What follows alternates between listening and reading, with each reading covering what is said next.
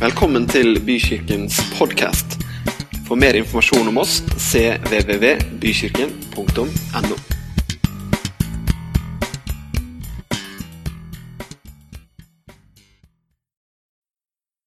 Eh, I dag har jeg tenkt å snakke litt om lovsangens betydning. For for meg har det Jeg kommer jo fra en eh, Da jeg ble frelst, så var jeg i en luthersk forsamling. Nå er det jo blitt slik at de, de lutherske forsamlingene er blitt mer karismatiske, kanskje enn oss pinsevenner også. Men den gangen så var det ikke det, for å være litt ærlig på det. Eh, eh, og når jeg kom inn i pinsebevegelsen på 80-tallet, så opplevde jeg dette med den gangen mye friskere tilslag. Sangen, lovprisningen, gleden i Kristus Jesus den var markant mye større enn der jeg kom ifra. Eh, Derfor har jeg opplevd også såpass mye gjennom lovsangen, gjennom tilbedelsen, som jeg har lyst til å dele med dere i formiddag.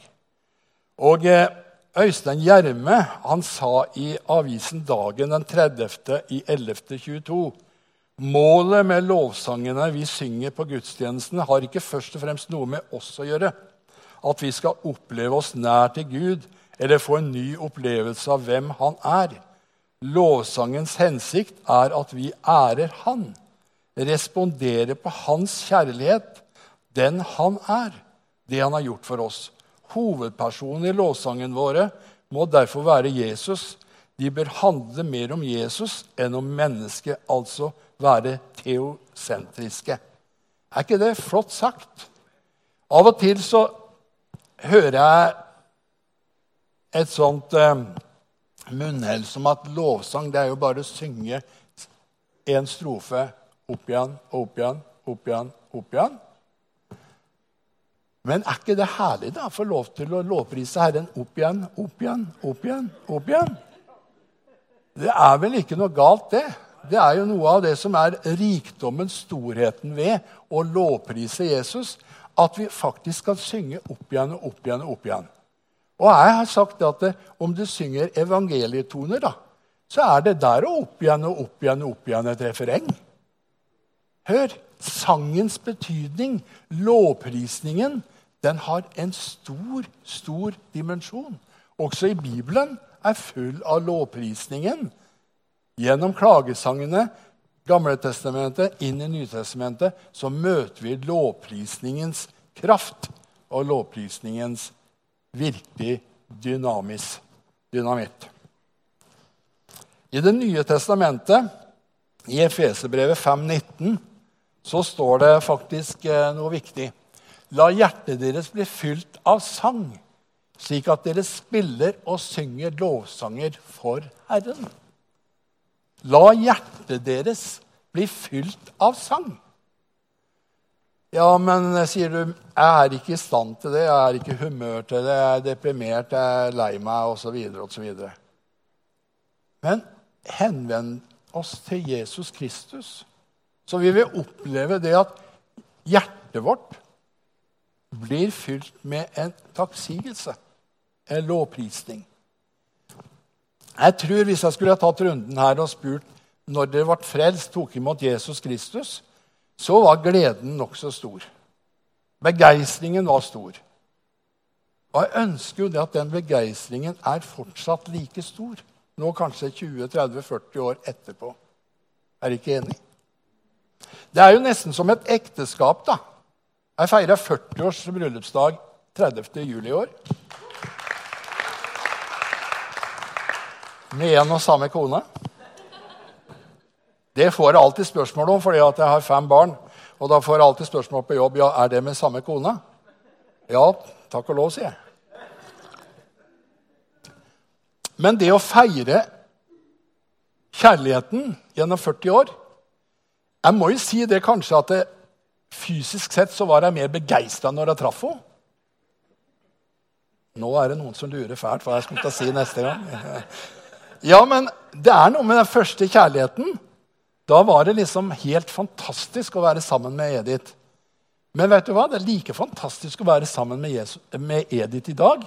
Men problemet er, eller det som er annerledes, det er at nå kjenner jeg henne på nesten kryss og tvers. Jeg veit hva som begeistrer henne. Jeg veit hva som gleder henne. Jeg veit hva som ikke gleder henne. For det får jeg høre. På en fin måte. Men sånn er det også med kjærligheten til Jesus.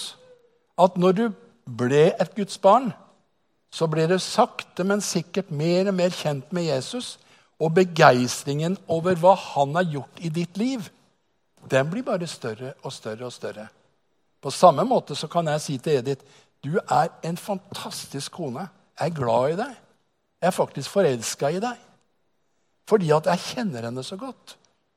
Og Sånn er det med Jesus. at Hvis du begynner å bli kjent med ham, så blir begeistringen så enorm at du kan begynne å prise Herren selv når du kjenner at nå er det tungt, nå er det vanskelig. Så kan du gi Han lovprisningen. Det er helt utrolig godt å lovprise Jesus. Og Hvis du slår opp i eh, apostelgjerningene 16, 25, 32, så er det en lang tekst der. Men ved midnattstider var Paulus og Silas i bønn. Og alle de andre fangene kunne høre hvordan de sang og rovpriste Gud. Plutselig kom det et stort jordskjelv, slik at hele fengselet ristet. I samme øyeblikk ble alle dørene åpnet, og lenkene som holdt alle fangene bundet, løsnet. Fangevokteren våknet opp av søvnen og så at fengselsdørene sto åpne. Da tenkte han at fangene hadde rømt. Derfor trakk han, seg, trakk han sverdet ut av sliren for å ta sitt eget liv. Men da ropte Paulus høyt og sa, 'Ikke gjør deg noe ondt, for vi er alle her.' Den vettskremte fangevokteren ba om lys og sprang inn og falt skjelvende ned foran Paulus og Silas.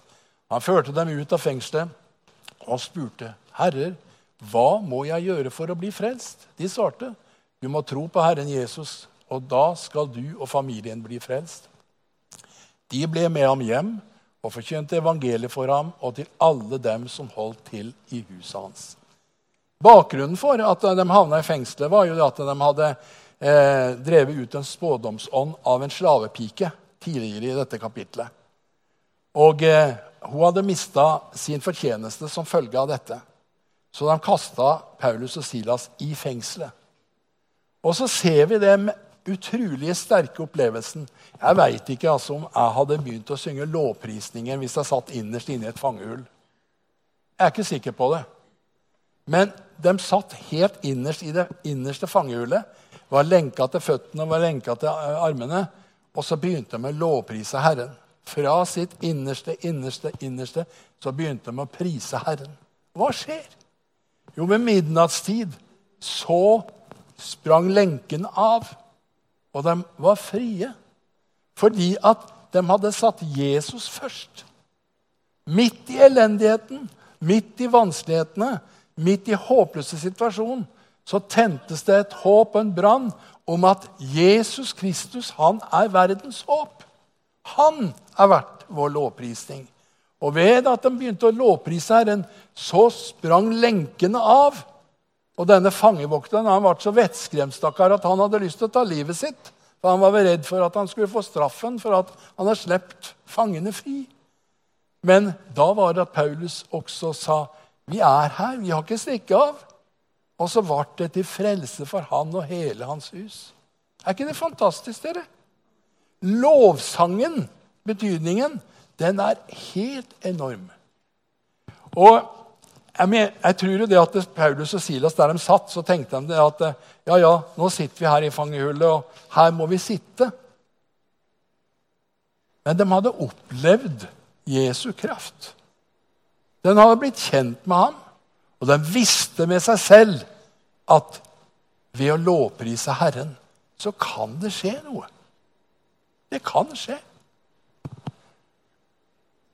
Jeg kan dele noe personlig hendelser i livet mitt for det, angående det med lovsang og bruk av instrumenter. Og vi snakker ofte om lovsangen som bare stemmer.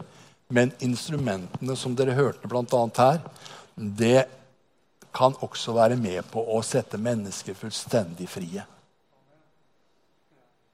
Bokstavelig talt. Slagverket, når det slår og dundrer for mange, så kan det slå ut det som sitter her inne, og bli fri. Halleluja, har jeg lyst til å si til det. Men jeg fikk lov til å fortelle en hendelse fra min datter Ingrid. Marie. For flere år tilbake, da bodde vi i Rogaland, så led hun av eh, noe som heter beinhinnebetennelse, men det hadde utvikla seg til noe som heter compartment-syndrom. Dvs. Si at musklene er inne, inne, i en sånn på en måte pose. Så vokser musklene større, og så blir posen ikke utvida. Og det betyr at det blir kuler overalt på begge leggene. Det er forferdelig smertefullt. Og Eneste måten da å kurere det på, det er å operere. Og det er å skjære på begge sider av begge leggene. Og det er utrolig langvarige greier. Og hadde dette her i bortimot et år. Og det var ikke måte på hva vi ba, ba for henne. Men det så ut som det at Herren hadde lukka ørene totalt. Men så skjer det. En kveld jeg kommer hjem, så har kona mi sammen med noen damer De står på stua og lovpriser Jesus. Og jeg tenkte at eh, vi hadde en hund. Og det merkelige var at hunden hun ula sammen med dem. Uh, sa hun. Og det gikk over i tungetaler, og det var et brus i stua. Det kan ikke, det, jeg kjente det en eneste gang jeg kom inn.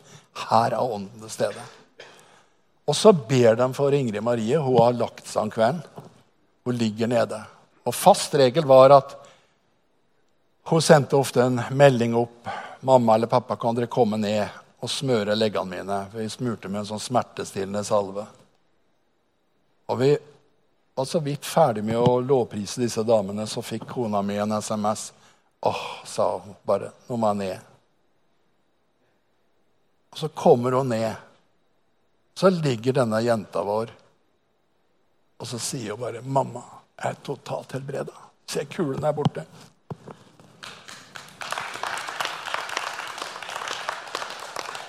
Siden det har ikke hatt noen form for kuler, ingen form for smerter.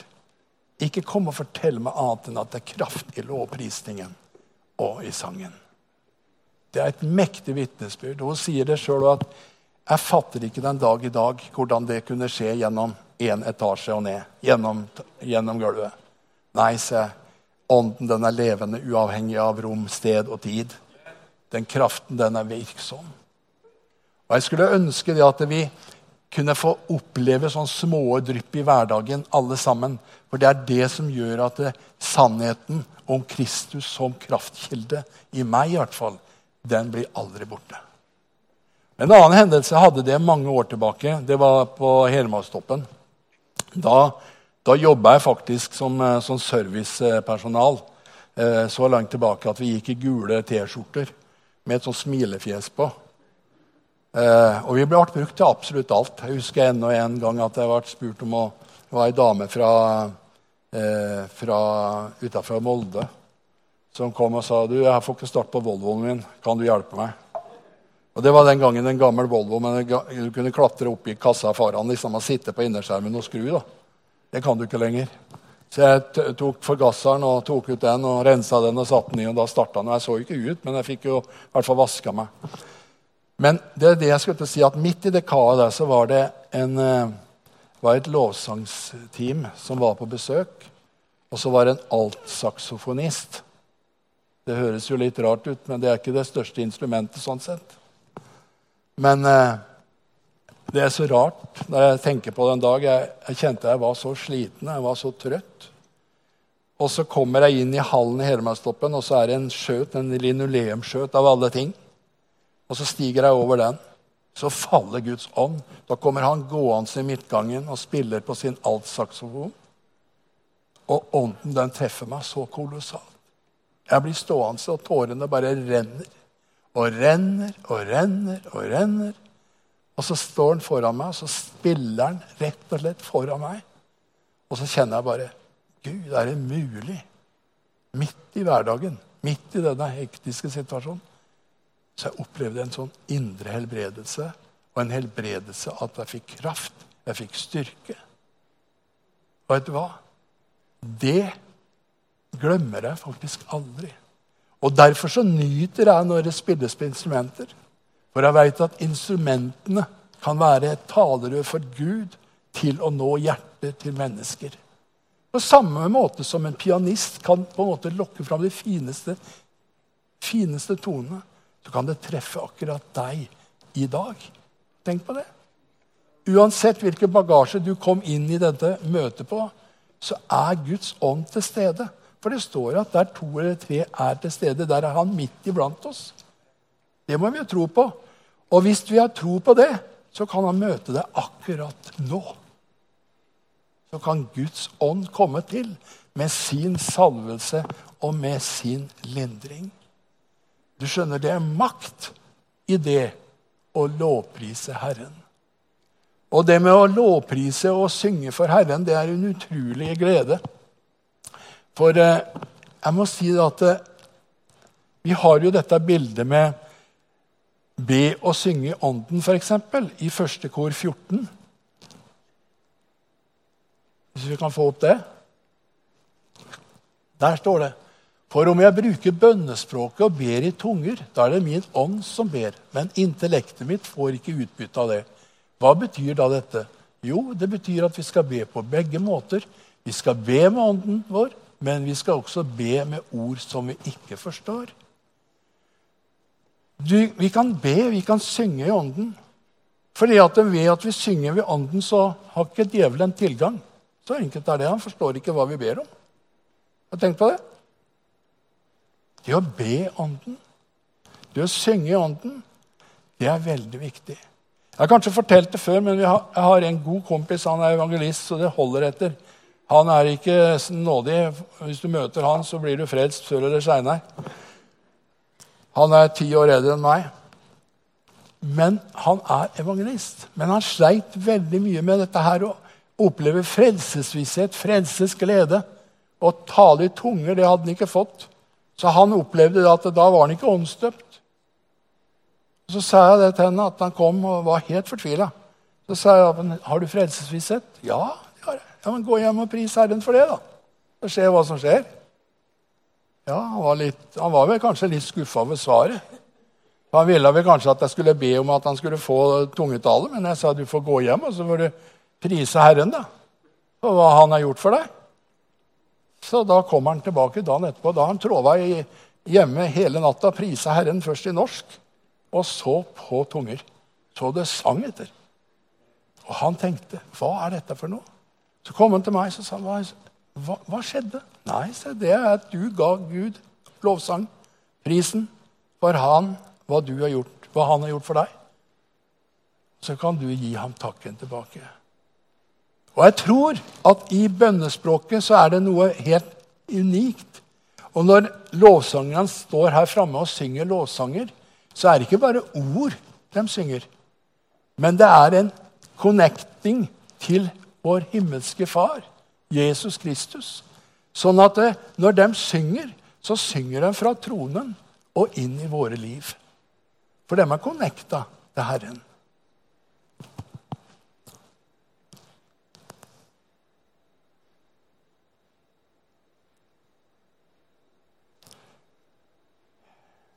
Hvis vi slår opp i 1. Samuels bok 16, 23 hver gang Saul ble plaget av den onde ånden, tok David fram harpen og spilte på den. Da gikk det bedre med Saul, for det gjorde ham godt, og den onde ånden trakk seg unna ham. Kan vi si halleluja til noe sånt? Nå har vi ikke vi harpe, da. Men vi har instrumenter. På den tid var harpa mest brukt. Sitar, harpe. Men kan det være noe i det? At hvis vi bruker instrumentene til Herrens pris, Herrens ære, så kan faktisk det skje. Jeg opplever av og til når jeg sitter i bilen og setter på ja, altså, eh, nå er det jo nesten, Før var det jo greit, for da hadde du en CD, men nå er det jo ikke det lenger i spillerne, så nå må du jo strømme det eller YouTube eller hva det måtte være.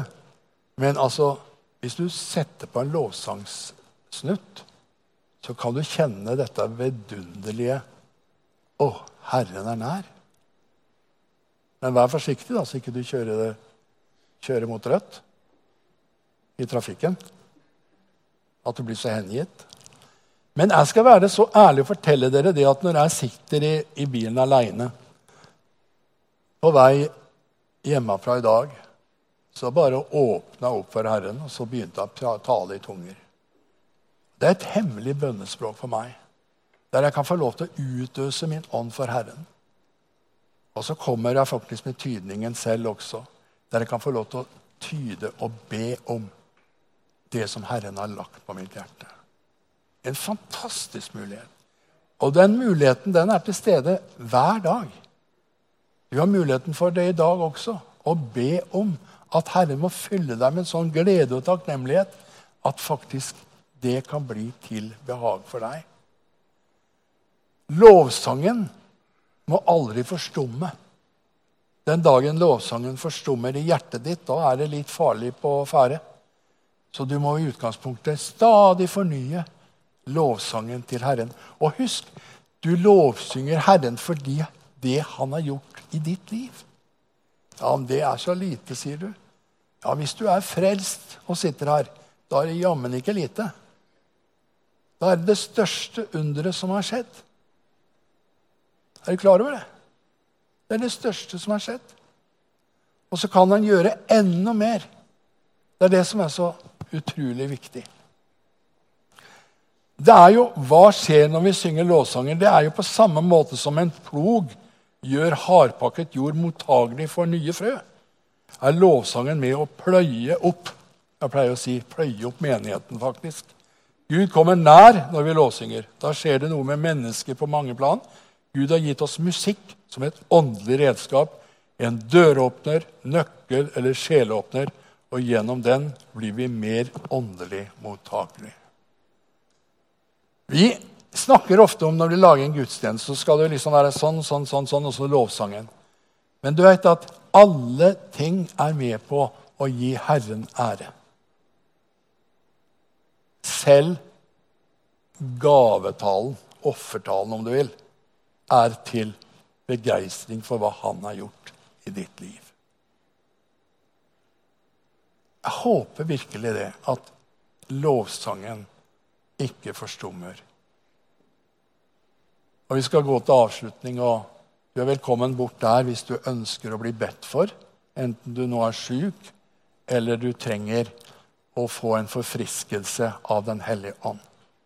For han vil friske på, han vil gi deg ny vin, en gledesvin og en begeistrende vin, slik at du blir i stand til å møte hverdagen i morgen. Lovsangeren kan komme opp. Så skal vi be en kort bønn. Og så ønsker jeg deg at du som er her for første gang, kanskje som ikke har tatt imot Jesus, vær frimodig. Du kan sitte der du sitter, og legge hånda på hjertet ditt, og så kan du be en enkel bønn. Takk, Gud, for at du er den som tar imot meg, akkurat slik som jeg er. Men du er velkommen bort der, enten du er syk, eller om du ønsker en fornyelse eller om du vil ta imot Jesus, så vil jeg være der, og Mathilde vil være der, og så vil vi betjene deg med å be for deg. Takk, Jesus. Ved å lovprise ditt hellige navn så kan vi få lov til å oppleve at du, Herre, kommer til med din kraft, med din styrke, og det helbredelse ved dine sår. Vi bare priser deg for det. Vi ærer deg, Jesus. Og Herre, du ser alle som er til stede her i formiddag. Du ser barna som er oppe Jesus. Du kan møte, møte dem med Den hellige ånds kraft og salvelse. Du ser dem som er på leir. Herre, Den hellige ånd er til stede der. Og så ber vi, Herre, for denne stunden vi går inn i nå, at du, Jesus, du som troner i vår lovsang, du skal velsigne hver en. I Jesu navn. Amen.